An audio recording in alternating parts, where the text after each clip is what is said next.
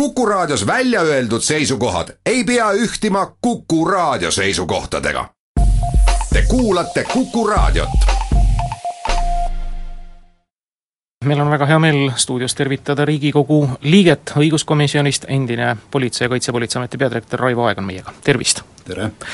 Neil päevil räägitakse palju turvalisusest, kindlustusseltsid on teada andnud statistikas sellest, et väga oluliselt määral on suurenenud just reisiturvalisusesse panustamine öö, oma erinevatest kindlustusportfellidest. turvalisusest räägitakse palju, kui antakse välja Välisministeeriumi hoiatusi, milliseid on ka neil päevil kohe väga palju kuulda, vältige, eks ole, masse, olge liikudes tavapäraselt ettevaatlikud ja veel ettevaatlikumad, kui olla saab kui turvaliseks me saame üldse selliste nõudmistega minna või kui absurdseks me saame nende nõudmistega minna kuni selleni välja, et kuulge, et ärge reisige, olge nüüd nelja betoonpunkri seina vahel ja siis on kindel, et teiega ei juhtu mitte midagi, kui just suur pauk ei käi see betoon teile peale ei varise? jah, ega sellist absoluutset turvalisust ei ole olemas ka selle nelja betoonseina vahel, et ka seal võib midagi juhtuda, kas või komistad ja lööd oma pea vastu seda betooni ära ja tagajärg on sama, mis suures rahva hulgas näiteks mingisuguse terroriakti tagajärjel, aga, aga kindla peale need igasugused hoiatused, nõuanded, neid tasub kuulata, et neid ei tehta ilmaasjata ja, ja kellegi ametniku äh, nii-öelda heameeleks või, või, või rahulolu saamiseks, et et need on, need on väga selgelt ikkagi analüüside põhjal kokku pandud, seal on arvestatud erinevat informatsiooni, mis on saadud diplomaatiliste kanalite kaudu, kus on siis ka julgeoleku ja eriteenistused panustanud selle info hankimisse ja, ja, ja edastanud selle siis meie äh, meie vastavatele instantsidele, kes siis peavad selle nii-öelda raamima ja, ja, ja elanikkonnale teatavaks tegema, nii et, et see on väga hea, et, et selliseid hoiatusi tehakse ja selliseid analüüse üldse läbi viiaksegi aga nende hoiatustega jäädakse väga sageli hiljaks, võtame sellesama eh, Nitsa juhtumi, eks ole, inimestele, kes olid tellinud endale just terroriohu äpi eh, telefoni, nad said selle teate kaks tundi hiljem, kui traagiline sündmus oli juba läbi. see tähendab seda, et tegelikult ka nende terroristide ja väga sageli nüüd ei, ei saagi enam terroristiks nimetada, on sageli ka üsna vaimuhaiged inimesed, kes millegipärast on sellest usust innutust saanud ja siis igasuguseid hulle tempe korda saadavad, nende eh, jälgimine on väga keeruline töö absoluutselt, äh, absoluutselt on keeruline ja, ja, ja äh, noh, ütleme seesama äpi lugu, et äh, see on jälle niisugune tehniline nüanss, eks, et see tehnika tehnikal on selline omadus, et ta teinekord just väga olulistel hetkedel kipub alt vedama, et see on see Murphy, see on see Murphy seadus, eks. ennustus oli õige, tähendab, et sealsamas kohas inglaste pulveril toimub midagi, olge ettevaatlikud ja jäi hiljaks lihtsalt jäi hiljaks jah, aga, aga, aga noh, üldiselt eks, eks neid äh, vigu üritatakse edaspidi vältida ja, ja mingid täiendused viia, et, et need asjad äh, nagu paremini töötaksid, et aga, aga jah, äh, jälgimine tõepoolest on, on väga ja väga komplitseeritud, sellepärast et et me peame arvestama ikkagi seda, et näiteks sellise organiseeritud terroriakti läbiviimise taga on teinekord päris palju inimesi. Äh, seal tehakse samamoodi väga palju analüütilist tööd, seal valmistatakse ette, seal luuakse baas, kandepind, toetusrühmad, äh, logistika töötatakse läbi, nii et, nii et see ei ole, see ei ole niimoodi, et kellelgi tuleb äkki kuskilt mõte, et saadame nüüd mingisuguse suure terroriakti toime, paneme kuskil pommi plahvatama või sõidame autoga suure rahvaüritusel rahvamassi hulka ja nii see on. Et äh, nagu me ka nüüd ju täna siin äh, oleme kuulnud, eks, et kui algul oli arvati, et see Nitsa äh, juhtumil oli, oligi tegu sellise üksiku äh, pool nagu vaimselt häiritud isiku tegevusega, siis täna me ju oleme kuulnud, et tegelikult oli ka seal ikkagi selline tugirühm oli olemas, see oli selgelt ette valmistatud, läbimõeldud, organiseeritud, nii et et see on ikkagi see, et, et kui, kui äh, Äh, ütleme siin julgeolekuteenistustel või, või, või siis korrakaitsel, näiteks politseil äh, ei ole olemas väga selget sellist allikat äh, omal äh, sellistes struktuurides või, või grupeeringutes sees, siis tegelikult äh, see informatsioon äh, ei jõuagi äh, nendeni, kes peaksid sellist sündmust siis ennetama, vältima, ära hoidma, need inimesed seal ennem kinni pidama. et, et selles mõttes on, on väga oluline just selline äh, julgeoleku ja, ja, ja, ja politseistruktuuride võimekuse olemasolu ja võimekuse loomine, et just selline jälitustegevus ja ja, ja allikainformatsiooni hankimise võimekus oleks olemas. et see on, see on see edu pant ja garantii, et et piisava nii-öelda ettehoiatusega siis oleks võimalus see informatsioon kätte saada ja mingeid meetmeid rakendada see on seesama asi, mida tegelikult ka moodsale Eesti politseile üsna palju ette heidetakse, et tööagentuuriga on ikka väga nõrgaks jäänud. Ja ilmselt pole see ainult Eesti politsei, vaid see on ka siis välismaa jõustruktuuride probleemiks, aga noh, samal ajal me teame, et vastane on ka aina umbusklikum. küsimus sellest, kuidas tuhta, tunda ära ohte, see on küsimus nii kodanikele kui ilmselt ka eriteenistustele, kas me peaksime iga purgas nähtud naise peale tegema kõne politseile või kui keegi lennujaamas lollitab, pannes selga näiteks Osama bin Ladeni särgiga pildi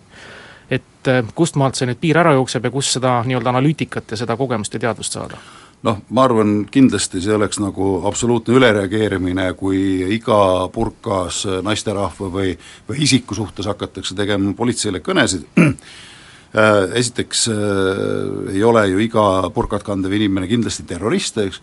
aga aga teiseks on ka seal see oht, et, et kui me, kui, kui nüüd ütleme, politsei või julgeolekuteenistused hakkavad sellise iga kõne peale reageerima, siis see muutub pikapeale rutiiniks ja seda ei võeta enam tõsiselt. et tegelikult, tegelikult nagu tavainimesel nüüd terroriste ära tunda äh, suures rahvamassis,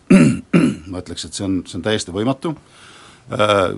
kui tal, kui tal just äh, ma ei tea, automaat põl-, põuest välja ei paista, eks. aga, aga, aga muul juhul on see täiesti võimatu, sellepärast et et äh, ka terroristi, terrorist, kes plaanib mingit akti, ta ei lähe ennast enne selle akti nii-öelda täideviimist presenteerima oma eesmärke ja vaateid. seda tehakse võimalikult varjatult, imbutakse sisse sellisesse piirkonda, rahvamassi või hulka või kus seda terrorakte siis tahetakse toime panna ja seal pannakse see akt toime, et et et seal on, seal see kaalutlus on hoopis muud, et noh, et noh, ütleme need samad enesetaputerroristid, nendel ei ole vaja seda nii-öelda surmaeelset kuulsust nende, nemad ihkavad surmajärgset kuulsust nii see on, aga ilmselt peame meie nüüd äh, kodanikena, kes ei ole ei terroristid ega ka ei ole äh, luuretöötajad, ei ole, ole politseitöötajad,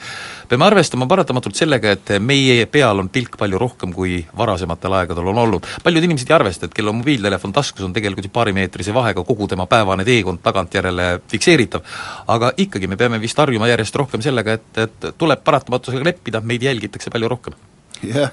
seda kindlasti. Ja meid jälgitakse igalt poolt palju rohkem, et ka needsamad äh, operaatorid või igasugused äh, internetikaubandusega tegelejad ja, ja kõik, kus me oma jäljed maha jätame äh,, kas või needsamad igasugused Google'id äh,, mida iganes. Äh,,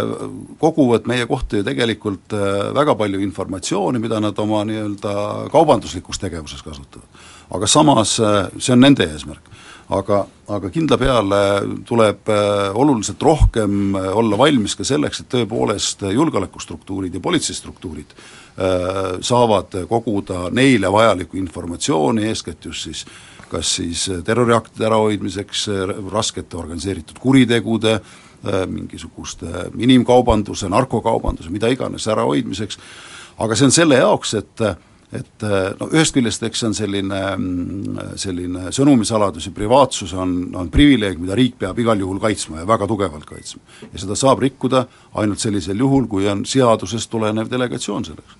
ja aga, aga, aga ka nende inimestel on privileeg rahus elada ja turvaliselt elada, kes ei plaani mingisuguseid halbasid tegusid ja riik peab ka nende privileegi kaitsma. ja selleks ongi, selleks ongi nii-öelda see talumiskohustus äh, et, et äh, ka teinekord äh, võib-olla ka need inimesed, kes ei ole otseselt seotud ei kuriteoga, ei terroristliku akti toimepanemisega, ka nende kohta informatsioon jõuab kas korrakaitseorganitele või julgeolekuasutustele, et seal ei ole midagi teha, aga, aga see on selle nimel, et ülejäänud, et me ise ja, ja ülejäänud siis saaksid nii-öelda rahus ja turvalises ühiskonnas elada. jah, seda võrdlust on palju toodud, et selleks, kui me tahame hambavalust ikkagi lahti saada, me peame hambaarsti juurde minema, kardame seda või mitte, aga muidu tõmmatakse välja. muidu tõmmatakse välja, kehv lugu Abs. absoluutselt. üks küsimus hästi kiiruga, ikkagi see lugu, et vähemasti siin Eestis me peame igasuguse toimingu jaoks koh-, küsima tingimata kohtu luba. kas see võib ühel hetkel ka hakata nii-öelda kätte maksma, kui on vaja teha üks väga kiire reageerimine, noh näiteks terroriteo tõkestamiseks. aga me peame ära ootama kohtuniku suvine aeg, puhkused, jumal teab mis asjad, et ei pruugi seda luba õigel ajal saada, me läheme kas mingisuguse matkimise läbiotsimise teed, aga siis võib olla juba liiga hilja. ja kui me seda teeme, on ebaseaduslik, on jama majas, ma nüüd viitan sellele piirivalvurite juhtumisele. jah, siin on, siin on nagu kaks siseasja, üks on, üks on selline, kui meil on käimas kriminaalmenetlus mingi kindla juhtumi kohta juba, kui me siin äh, protsessid arenevad, neid jälgitakse, siis on aega neid lubasid menetleda ja, ja kõiki asju teha ja ka kohtuniku juures käia, nii et mina ei näe selles mingit traagikat, et, et kohtunik äh, otsustab, kas äh, on põhjust äh, inim- seal õigus- või neid põhivabadusi riivata või mitte.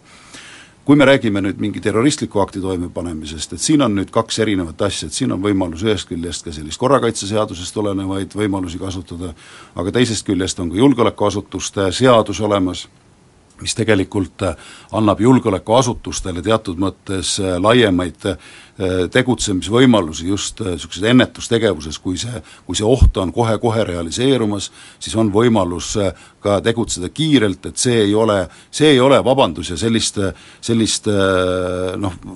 ma, ma ei ole ka õnneks kuulnud sellist juttu, et et ei ole võimalus terroritegu ära hoida, sellepärast et ei jõua kohtuniku käest luba võtta, eks, et et, et see kindlasti on, on kõik võimalik ja, ja täiesti seadust jälgides ja seaduse raames teostada